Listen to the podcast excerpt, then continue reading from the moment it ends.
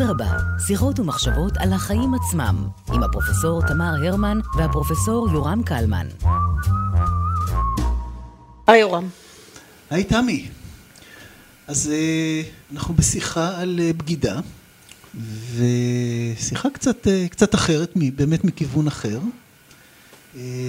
הנושא הוא באמת יהודה איש קריות, בוגד, נרטיב בגידה מאוד מרכזי בתרבות המערבית, אבל נדבר קודם על האורחת שלנו.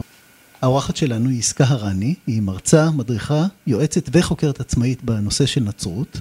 ברוכה הבאה, יסכה. תודה רבה. הרבה ישראלים לא מכירים למעשה את הסיפור של יהודה איש קריות, אז אולי נתחיל בסיפור עצמו. הרבה ישראלים לא יודעים בכלל שום דבר על הנצרות ולא על הברית החדשה, אז הם גם לא יודעים על אה, דמותו של יהודה, מעבר לזה שפה ושם אה, הם הבינו שיש קומבינציה של יהודה ובוגד. אני חושבת ש... הדור הצעיר, אם הוא מקשיב לליידי גגה, אז הוא יגלה שיש לה שיר שנקרא ג'ודס. ושם אה, מי שלא מכיר את הברית החדשה לא כל כך מבין מה המרקחה שהיא רוקחת, גם בקליפ שלה, אבל בשורה התחתונה, כן, יהודה שווה בגידה, וזה סיפור. הברית החדשה, טקסט שמנסה לעשות אה, כיתוב מאוד ברור, הקצנה, כיתוב של הדמות המופלאה, חסרת פגמים, שלמות בהתגלמותה, וזה ישוע מנצרת, ואז לעומתו הסטרא אחרא, לעומתו ההתגלמות של הזוועה, וזה יהודה. ובמובן הזה אולי זה סיפור פשטני מעט. הוא לא רואה את חמישים הגוונים שיכולים להיות בין לבין, ויהודה קיבל את התפקיד של הסטרא אחרא של ישוע.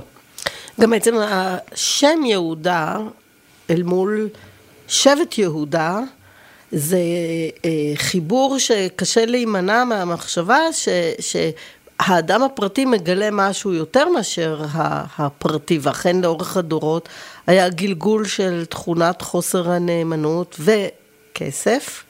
אה, מן הסיפור הזה של יהודה איש קריות שבגד לכאורה במורה, הדגול המושלם שתיארת לנו. אה, ובסופו של דבר יצר את הקץ שהפך את אה, ישוע מנצרת למוקד ליצירת דת חדשה. טוב, אז באמת יש פה שני דברים. הדבר הראשון זה השם יהודה, איזה מין תאונה, הייתי אומרת, תאונה גיאוגרפית אטימולוגית. למה תאונה? משום שאנשים נקראו יהודה, עוד מימי התנ"ך. ואגב, אם היה איזה יהודה שזרק את אחיו לבור והתעסק איתו בענייני כספים, זה יהודה בנו של יעקב. אז יש לנו כבר איזה פרדיגמה של יהודה שמתעסק במעשים לא נאותים. אבל למעשה הברית החדשה מספרת שהיו יותר מיהודה אחד, ועד היום ברשימת 12 התלמידים הטובים והכשרים והקדושים, יש אחד שנקרא יהודה הקדוש, Saint Jude. כותבים את זה J-U-D-E, וכך מבדילים בינו ובין Judas, J-U-D-A-S. Saint Jude, אני יכולה להפנות אתכם לכנסיות שתראו את Saint Jude על החלונות. אכן נוצרה תאונה שמי שלקח את יהודה איש וסימן אותו כשם שקרוב למושג ג'ודאיזם, וג'וז, שם נוצרה התאונה הגיאוגרפית הזאת. אני לא יודעת שזה היה במקור, אבל אין ספק שבמהלך ההיסטוריה, ועוד מעט נתאר מה היו הבעיות של יהודה בטקסט של הברית החדשה, במהלך ההיסטוריה יהודים זוהו עם uh, הלוואה בריבית, עם כסף, והמילה יהודי הפכה להיות כרוכה ב... כסף, זדון, בצע כסף, ואז לקחו אחורה לסיפור של הברית החדשה ואמרו, הבוגד ההוא יהודה, למה הוא בגד? בשל בצע כסף. וכך נוצר לינקג', נוצר איזה קישור שבהחלט לא עבד לטובת היהודים, אבל נוצרים בעצמם שכחו שיש להם קדוש, שנקרא סיינט ג'וד. אז בואו נחזור לסיפור עצמו. יומו האחרון של אה, ישוע מנצרת. כן, אז אה, ככה, בואו נחזור לסיפור. הברית החדשה, יש לה כך וכך אה, ספרים בתוכה, 27 ספרים. חמישה מבין הספרים מזכירים את, את דמותו של יהודה. ארבעה ספרים שנקראים ספרי הבשורות או האבנגליונים, כולם עושים את אותו טריק ספרותי. מהו הטריק הספרותי? לפני שאנחנו נגיע לבגידה, אנחנו נשמע בתחילת הספר שישוע בחר 12 תלמידים, נותנים לנו את הרשימה, האחרון שמופיע, עכשיו זה תמיד מאוד חשוב איפה המורה שמה את התלמיד, אז זה שראשון וזה שאחרון, זה מאוד אומר עליו משהו. אז הברית החדשה שמה את יהודה אחרון ברשימה ומוסיפה משפט. ומה היא מוסיפה? ואת יהודה אשר עתיד היה להסגיר אותו. זאת אומרת, זה כמו בסרט, אתה רואה מלכתחילה מי הרוצח, ורק אלה שיושבים ב, כן, בתוך הסרט עצמו לא יודעים, אבל אתה יושב שם דבוק לגב הכיסא בקולנוע, ואתה יודע שהוא יופיע במערכה האחרונה, וזה מה שהם עושים. הם שמים אותו במערכה הראשונה ושמים אותו במערכה האחרונה. אז אחד, אני יודעת שהוא היה תלמיד של ישוע. אחד מאלה שהתנדבו לעזוב את העבודה, את החיים, את המשפחה, ולצאת בעקבותיו. בסוף הספר, בפרקים האחרונים, כשישוע נכנס לירושלים, ועכשיו הצבת מתהדקת סביבו, כי הוא טראבל מייקר בירושלים, אבל צריך לזהות אותו, יש המוני בני אדם בעיר, איך נסמן את האיש הזה שיתפסו אותו? וכאן אני שומעת את הסיפור הבא, שבסעודה האחרונה, ישוע כבר אומר, אחד מכם יבגוד בי, ויהודה כבר מתכנן, וכבר מסתבר שהוא ישב עם הכהנים בישיבה מוקדמת. היכן להסגיר אותו, בעד כמה כסף להסגיר אותו, ומה שיקרה באותו לילה מר ונמהר, זה שאחרי הסעודה האחרונה, זה ביום חמישי בלילה לפי המסורות, ישוע יוצא למקום בשם גת שמנים, זה עמק מחוץ לירושלים, אז אפשר לדמיין את החושך, מטעי זיתים, ושם הוא מתפלל לאלוהים, הוא מבקש מהתלמידים שלו, תישארו ערים איתי, הם נרדמים, ומי מגיע ערני לחלוטין? יהודה. הוא מגיע עם החיילים ועם אה, אה, משרתי הכוהנים, מתקרב לישוע. ועוד מעט נדבר על איך זה מוצג, אבל בקיצור ולעניין, הוא נותן לו נשיקה, וזה הסימן המוסכם. הסימן המוסכם הוא, מי שאני מנשק, זה האיש האשם, ובאותו רגע תופסים אותו, כופתים אותו. תופסים את ישוע. תופסים את ישוע, כן, תופסים אותו ולוקחים אותו ללילה של מעצר וחקירה בבית הכהן הגדול, ולמחרת הכהן הגדול כבר יגיד, זהו, מכאן הוא עובר ל... נציב רומא בירושלים, פונטיוס פילטוס, ומשם הדרך אל הצלב קצרה מאוד. כלומר, הלילה האחרון מסומן בסעודה האחרונה ובגידה של יהודה, ולמחרת בצהריים ישוע כבר נפח את נשמתו. אז אה, זה חתיכת סיפור באמת. יהודה הוא pivot player, הוא שחקן מפתח כרגע בגול העצום הזה של צליבת ישוע. ואז אנחנו באמת שואלים את עצמנו איזה פונקציה סיפורית אה, ממלא הסיפור הזה, כי אם הוא לא היה מסגיר אותו, לא, לא, לא היו מעלים אותו על הצלב, את ישוע מן הסתם, והאם יהודה בעצם לא מקדם את הסיפור של אה, יהושע? האם הוא לא כלי? הרבה פעמים אני נשאלת, מה, יהודה צריך היה לקבל צל"ש? הוא צריך היה לקבל קדושה? מה, הוא עזר לישוע להגיע אל הצלב. לברית החדשה ולנצרות לימים יש תשובה מאוד ברורה בעניין הזה.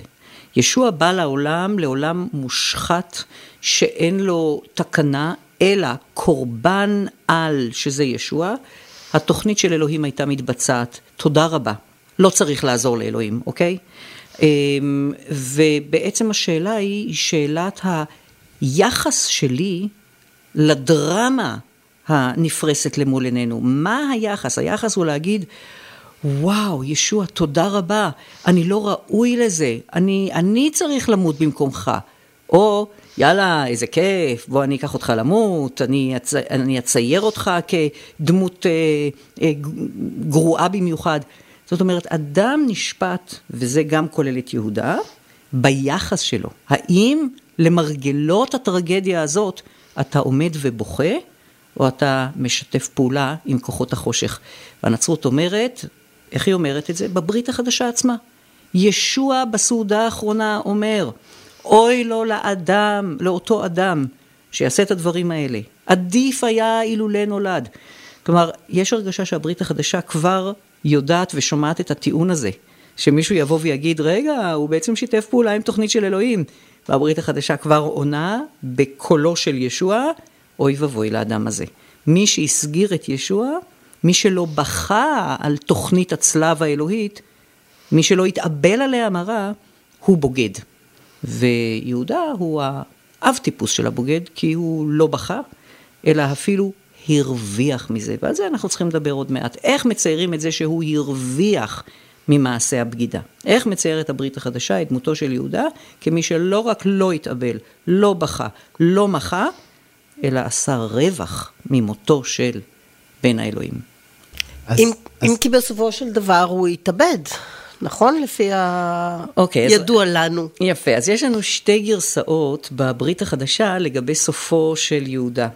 ובגרסה אחת, הגרסה של מתי, דווקא אבנגליון לא מי יודע מה אוהד יהודים, דווקא שם יהודה מתחרט והולך ותולה את עצמו, ואז הסיפור הולך לאיזה מחשקים יותר גרועים בעיניי, משום שה... אה, נשאלת השאלה מה לעשות עם הכסף, עכשיו הוא מת, מה עושים עם הכסף? ואז הכוהנים בעצמם יודעים שזה כסף מלוכלך, ואת הכסף הזה הם משקיעים בנדלן מחוץ לירושלים, מקום שנקרא חק"ל דמה. אוקיי, אז זה, זה מתי, אבל לוקאס, בספר מעשה השליחים, הספר החמישי בברית החדשה, מספר שהוא נענש בצורה אכזרית, שהוא הלך לקנות את הנדלן הזה שנקרא חק"ל דמה, שזה אגב האזור של הסינמטק הירושלמי, ובעודו הולך שם, אה, הוא נופל ממצוק ומאב מתבקעות, סיפור מחריד. מעניין שהיו שתי וריאציות. לאיש הזה. ואחת הווריאציות, זאת של לוקאס, אפילו לא נותנת לו את הרגע עדנה היחיד הזה שהאיש התחרט. זה מוביל אותי לשאלה של מי כותב את הנרטיבים האלה? מי מחליט מיהו הבוגד? ומה שברור לי מהברית החדשה, זה שיש איזה תכתיב חד משמעי, שיהודה הוא בוגד נאלח למה הוא בוגד נאלח? משום שהוא אפילו לא בוגד אידיאולוגי, הוא בוגד בשביל כן. כסף. ומאבנגליון אחד למשנהו אתם רואים החמרה. באבנגליון הקדום ביותר מרקוס כתוב שהכוהנים הציעו לו כסף. באבנגליון הבא של מתי ואחרי כן של לוקאס ויוחנן, הוא דורש כסף, והוא מתמקח על כסף, והוא דורש 30 שקלים שזה יותר ממה שה-20 שקלים שיהודה עם יוסף בבור התמקח שם לגבי השחרור של יוסף ומכירתו. בקיצור, יש לנו כאן אה, דבר שאני חושבת שהוא מרתק. לא נתנו שום אפשרות שבקהילה של ישוע יהיה מישהו שזה לא נקרא בוגד, אלא אידיאולוג שמבין שמשהו התפספס. ושצריך לעשות משהו להציל. את מי? את ישוע, את הקבוצה, צריך להציל. הפעילות שיהודה עשה יכלה להיות באותה מידה, אותה פעולה, אבל לטובת העניין. והברית החדשה לא מאפשרת אפילו סדק, חרך קטן של פקפוק, שהוא עשה את זה רק בשביל בצע כסף. מה המטרה של הנרטיב? להוריד איזושהי אופציה אידיאולוגית. שאלה. כן, וכמובן שאני בטוח שהיו נרטיבים נוספים, הם פשוט לא נכללו ב... בסופו של דבר בברית החדשה. וואו, איזו... אה, זהו. עכשיו אתה זורק לנו פצצה, שבעבר אי אפשר היה להעלות אותה על הדעת. במאה ה-19 התחילו אה, אומנים ואוונגרדים לשחק עם הדמות של יהודה. מי שאוהב איזה איפכא מסתברא יכול להציע שהוא היה אידיאולוג. זה כבר, זו הייתה דרמה. אבל השינוי הגדול אה, מתרחש אה, דווקא במאה ה-20 וממש אה, בזמננו אנו. לפני כ-30 שנים, פחות או יותר, התגלה טקסט שנקרא פפירוס יהודה איש קריומות. כיום קוראים לו פפירוס יהודה איש קריות. זה התגלה בשוק שחור של עתיקות, כשסוחרים להוטים לחפש כל מיני פיסות פפירוסים כאלה ואחרים, וסוחרת בשם פרידה צ'קוס רוכשת מסוחר מצרי, טקסט, שכיום אין לנו שום ספק, עשו לו את כל הבחינות, קרבון 14, מה שצריך, זה טקסט אותנטי, אף אחד לא זייף, יש גם סיופים בעולם שלנו, אבל זה טקסט אותנטי, ומה הטקסט האותנטי מספר? ספר דבר מדהים. הטקסט אומר, בשמו של ישוע, ליהודה, אתה תתעלה מעל כולם. אתה נועדת להיות זה אשר יקריב את הגוף החיצוני שלי. קודם כל זה איזה מין אה, חידה מאוד גדולה. מה זה החמיצר הזה שכאן מספרים לנו? קודם כל הוא מקבל צל"ש, הוא היחידי שמבין עניין, זה יהודה. שתיים, מי שיקריב את הקליפה החיצונית של ישוע, זאת אומרת שישוע הרוחני, החי, הוא בסדר גמור, הוא נשאר בלתי פגיע. אבל הגוף החיצוני, את זה אף אחד לא תופס, רק יהודה היחידי שמבין שישוע מופיע פה באיזה כפל של התגלויות. ההתגלות הרוחנית, הנצחית, הבלתי מנוצחת, וההתגלות החומרית שצריכה, היא צריכה את זה, זה, זה, זה, זה שאיפה. ויהודה מבין את העניין. אז אני לא רוצה להיכנס לסוגיה של הספרות הזאת, זה שייך לספרייה גדולה שקוראים לה בגדול ספרות גנוסטית. אבל מה זה מלמד אותי? שכבר במאות שנייה ושלישית לספירה, היו אופציות אחרות, שראו את יהודה בתור, אם לא גיבור, אז לפחות האדם היחידי עם ידע אמיתי של תוכנית האל. כל היתר הם לוזרים, כי הם לא מבינים בכלל מה קורה. אתה תתעלה מעל כולם. כך אה, אומר הטקסט. אז עכשיו לזווית היהודית, איך אפשר בלי? והזיהוי בעצם בין יהודה לבין היהודים כ, כרוצחי ישו. טוב, אז אמרנו שה... אולי נתחיל כך ונאמר, הברית החדשה נכתבה בעולם רומי, באקלים שהוא אנטי-יהודי אה, כבר מראש, בלי נצרות. אנחנו לא צריכים להיות נוצרים כדי להיות אנטי-יהודים. העולם הרומי ספג את נחת זרועם של יהודים קנאים בכמה גזרות. עכשיו באים ומספרים סיפור על אה, יהודי מושלם שהוא בן אלוהים שהרומאים רוצחים אותו. אה, איך עושים את זה? אז הציעו כבר אה, באמת מלומדים, אפילו נוצרים מאוד מאוד חשובים, כמו קריסטן סטנדל ואחרים, אנשים בעלי שיעור קומה בינלאומי במחקר הנצרות, הוא היה אגב הבישוף של, של שוודיה, ו, ו, וחוקר, ו, וחוקר הרווארד וכולי, ומה הוא אמר? הוא אמר באקלים הזה, צריך היה להפריד את ישוע מהיהדות שלו, וצריך היה להפוך את הרומאים לצדיקים גמורים, בכך שמי שבעצם רוצח את אה, ישוע, אלה הם היהודים. כך שהברית החדשה זה חתיכת עסק היום להתמודד עם הטקסט הזה ולנטרל את העוקץ הנוראי שנמצא בתוכו. עכשיו, יהודה נכנס לתוך הסיפור הזה לימים בתור היהודי האולטימטיבי, כי הוא בוגד, כי הוא קשור למוות של ישוע, כי ממילא זה, ישוע לא היה יהודי, ויהודים רצחו את בן האלוהים, והרומאים רצו להגן עליו. אז כל הסיפור מלכתחילה, החומרים שלו הם חומרים מאוד מאוד אה, בעייתיים, מאוד מאוד קשוחים. עכשיו, אני רוצה להציע שהיינו מלכתחילה צריכים לשאול את הברית החדשה, תגידי, ומה עם האופציה שמבין 12 תלמידים, היה איזה תלמיד אחד שהסתכל ואמר, וואו, העסק יצא מכלל שליטה. אנחנו מעריצים, מעריצים, מעריצים אותו, אבל בסופו של דבר משיחים כמו ישוע גרמו לא אחת ולא שתיים לתוקפנות רומאית שחיסלה את עמנו. תיקח את בר כוכבא. מה אנחנו צריכים יותר מזה? הנה לנו לאומן, מי שאמור להיות משיח, נכון? בר כוכבא, לא בר כוזבא ולא שום דבר אחר. ומה קרה לנו בעקבות בר כוכבא? איזה אסון. ומה קרה לנו בעקבות הקנאים של המרד הגדול? זאת אומרת, יכול להיות שהיה מישהו עם עיניים מפוכחות שהסתכל ואמר, חבר'ה, רגע, רגע, רגע, אני גם מאמין שהוא משיח, אני גם מאמין שהוא אדם פנטסטי, אני גם מאמין אולי אפילו, בוא נגיד לצורך העניין שהוא בן אלוהים. אבל האומה שלנו, האומה שלנו תרוסק באכזריות, כי הם יודעים לעשות את זה, הרומאים. תאמינו לי, הם יודעים לעשות את זה. אז בואו נעצור אותו לפני שהוא מגיע לירושלים, בואו נעצור אותו לפני שהוא נכנס לבית המקדש, בואו נעצור אותו לפני שהוא מקדם עוד מהלך. הרעיון הזה של אותו יהודי, שיכול להיות שעשה את הדבר הלא נכון בעיני התוכנית האלוהית. אבל האופציה שהוא היה יהודי אה, ערכי, האופציה הזאת לא יכלה לעלות כבר יותר.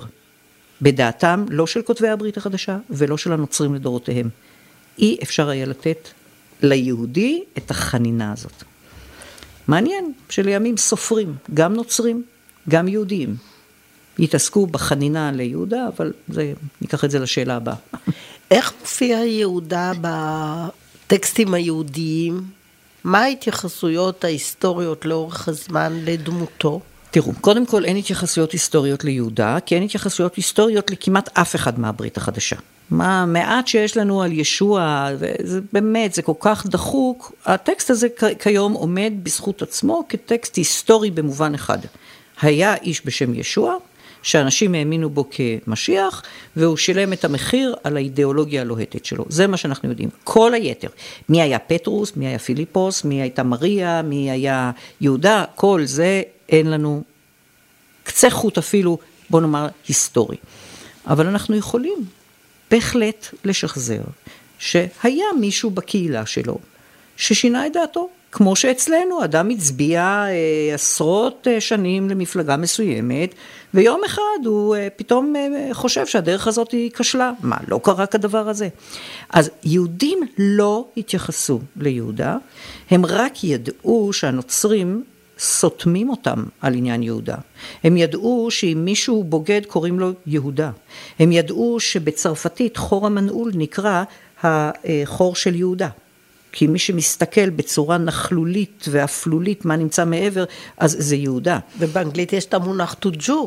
אז כן, הדמות של יהודה השפיעה גם על סרטים דרך אגב. בסרטי המאפיה, אם אתם תראו את, ה, אה, את ראש המאפיה, קורא למישהו ונושק לו על לחיו, זה סימן שעכשיו אתה תצא למותך כי אתה בוגד. זאת אומרת, הדבר הזה באמת אה, השפיע על כל העולם. יהודים, אלה, ב, אה, בעיקר במאה ה-20, מתחילים לכתוב נרטיב חדש. והם רוצים לזכות את יהודה, נדמה שיש פה יותר מאשר צדק ספרותי, הם רוצים באיזשהו מקום להחזיר גם את הצדק הלאומי שלנו. למה? כי באמת יכול להיות שיהודה רוצה לעזור. אני הבאתי איתי את הספר של קבק, ש... מה שנקרא עתיקנו, רק אלה שגדלו בדורות של שנות ה-50 ו-60, קראו את הספר הזה, זה היה אגב לבחינת בגרות אה, בזמנו, זה נקרא במשעול הצר. צר. טוב, צריך להתגבר על 800 עמודים בכתב צפוף של עם עובד, אבל לא צריכה לקרוא מתוכו, אלא על גב הכריכה כתוב, תראו, על גב הכריכה שמתמצתת את כל הספר כולו, כתוב, משנכזבה תאכלתו של ישוע, למצוא אוזן קשבת אצל הבריות, וראה כי חייו ולקחו עולים בתוהו, משך על עצמו גזר מוות, בעצת יהודה איש קריות, שאמר לו, יותר משעשית בחייך, תעשה מיתתך בידי אדם. זאת אומרת, עצה של יהודה, אבל ישוע מקשיב לו. וקטע מדהים בתוך הספר זה שישוע הולך ונושק ליהודה, ואומר לו, תמהר ותעשה את מה שצריך לעשות. אוקיי? אז המשחק הזה, זה מה שיהודים עשו. סופר אה, בשם אה, נתן אגמון, שקראו לו פעם ביסטריצקי, כתב מחזה שלם על יהודה. ובמחזה הזה, דפים על גבי דפים, יהודה אומר לו, בבקשה, master, אל תלך, בוא אליי לקריות. קריות זה יישוב בדרום הר חברון. אגב, יכול להיות שהוא התלמיד היחידי שהוא לא מהגליל. אומר לו, בוא, בוא תברח מפה, זה מסוכן. וישוע אומר, אבל אני חייב, אני, זה, יש לי משימה פה, אני צריך למות. והוא מתחנן בפניו. אז הנה, ספרות יהודית במאה ה-20 עושה אקזונרציה ליהודה, היא נותנת לו את החנינה והופכת אותו לגיבור מאוד משמעותי, אבל לא רק הוא, גם סרמגו, וגם אפילו אופרת רוק שנראית היתולית וחביבה, אבל היא מאוד רצינית, בשם Jesus Christ Superstar. שם המילים חדות כדורבנות. יהודה אומר, למה נבחרתי לתפקיד הארור הזה? מי, למה אלוהים הטלת עליי את התפקיד הזה לעצור את הטירוף? אז הנה, יש איזו תחושה שבספרות של המאה ה-20 קולטים משהו שהוא אפשרי. ואז יש לנו את ספרו של עמוס עוז, הבשורה על פי יהודה, כי אין בשורה על פי יהודה, אין אבנגליון על פי יהודה, ובכל אופן הוא מכניס כאן ל... לישראל של שנות החמישים, אבל למעשה בכלל לשאלה של המדינה, הקמת המדינה, המחירים, ההתנגחויות אה, אה, בהקשר הזה, זאת אומרת סופר ישראלי ויהודי משתמש בסיפור של יהודה אה, כדי להגיד יש פה משהו אנושי, לאומי, שרלוונטי גם לימינו אנו. כן, הסיפור של יהודה הוא סיפור בהחלט שצריך להילמד על כל האפשרויות שלו. גם צריך להילמד על הסוגיה הזאת של אה, נרטיב, או שיימינג, או פייק ניוז, או איך שתקראו לזה, איך אתה מתייג אדם בצורה שהיא כמעט בלתי הפיכה, אבל בהחלט השאלה הזאת, אה, עמוס עוז, קודם כל הוא כותב, אבנגליון יהודה, או הבשורה על פי יהודה, ויש כזה, כי הגילוי של הבשורה של הפפירוס, קדם לספר של עמוס עוז, ואין לי שום ספק שגם הוא קרא את אחת המהדורות הפופולריות של התרגום של הטקסט, אה, אבל אה, הוא לוקח את זה באמת להשוואה והשאלה הגדולה, מי נקרא בוגד? למה אנחנו משתמשים במילה בוגד? ומכיוון שהספר שלו כל הזמן מדבר על הבן גוריוניסטים האלה מצד אחד, ועל יהודה מצד שני, אז ברור לנו שהוא רוצה להציע, חברים, תיוג מיהו בוגד, זה בעיני הקבוצה השונאת, הקבוצה הכועסת, הקבוצה המתחרה. ויכול מאוד להיות, ופה כמובן הראייה העמוס-עוזית, שאתה צריך להיות איש אמיץ מאוד כדי להגיד דברים נגד הממסד ונגד הציידגייסט ונגד, כן, כאילו הערכים המקובלים. אני אקריא לך מתוך עמוס עוז מה שהוא כותב, הוא אומר, אלא שהוא דבק בישו. מי זה יהודה? ואהב אותו אהבת נפש, עד שנעשה המסור שבכל תלמידיו.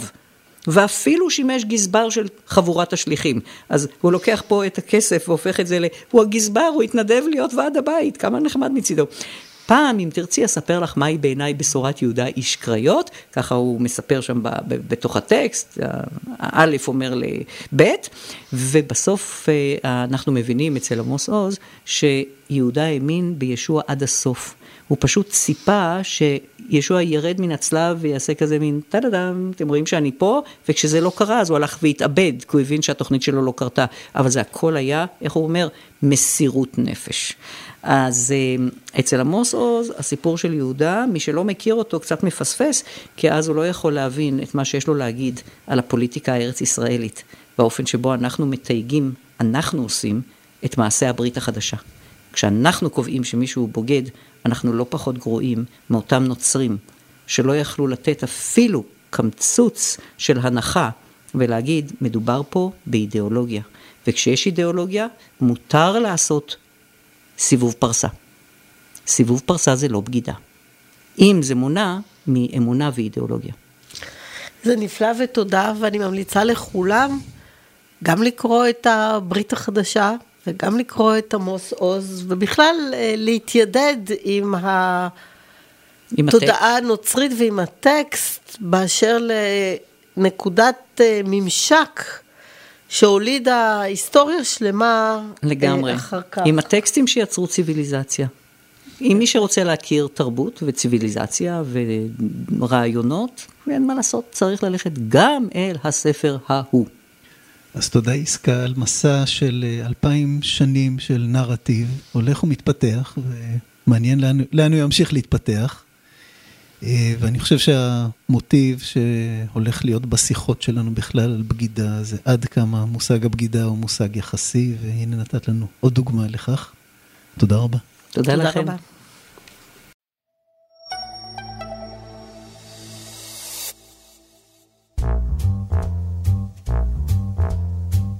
אדרבה, שיחות ומחשבות על החיים עצמם, עם הפרופסור תמר הרמן והפרופסור יורם קלמן.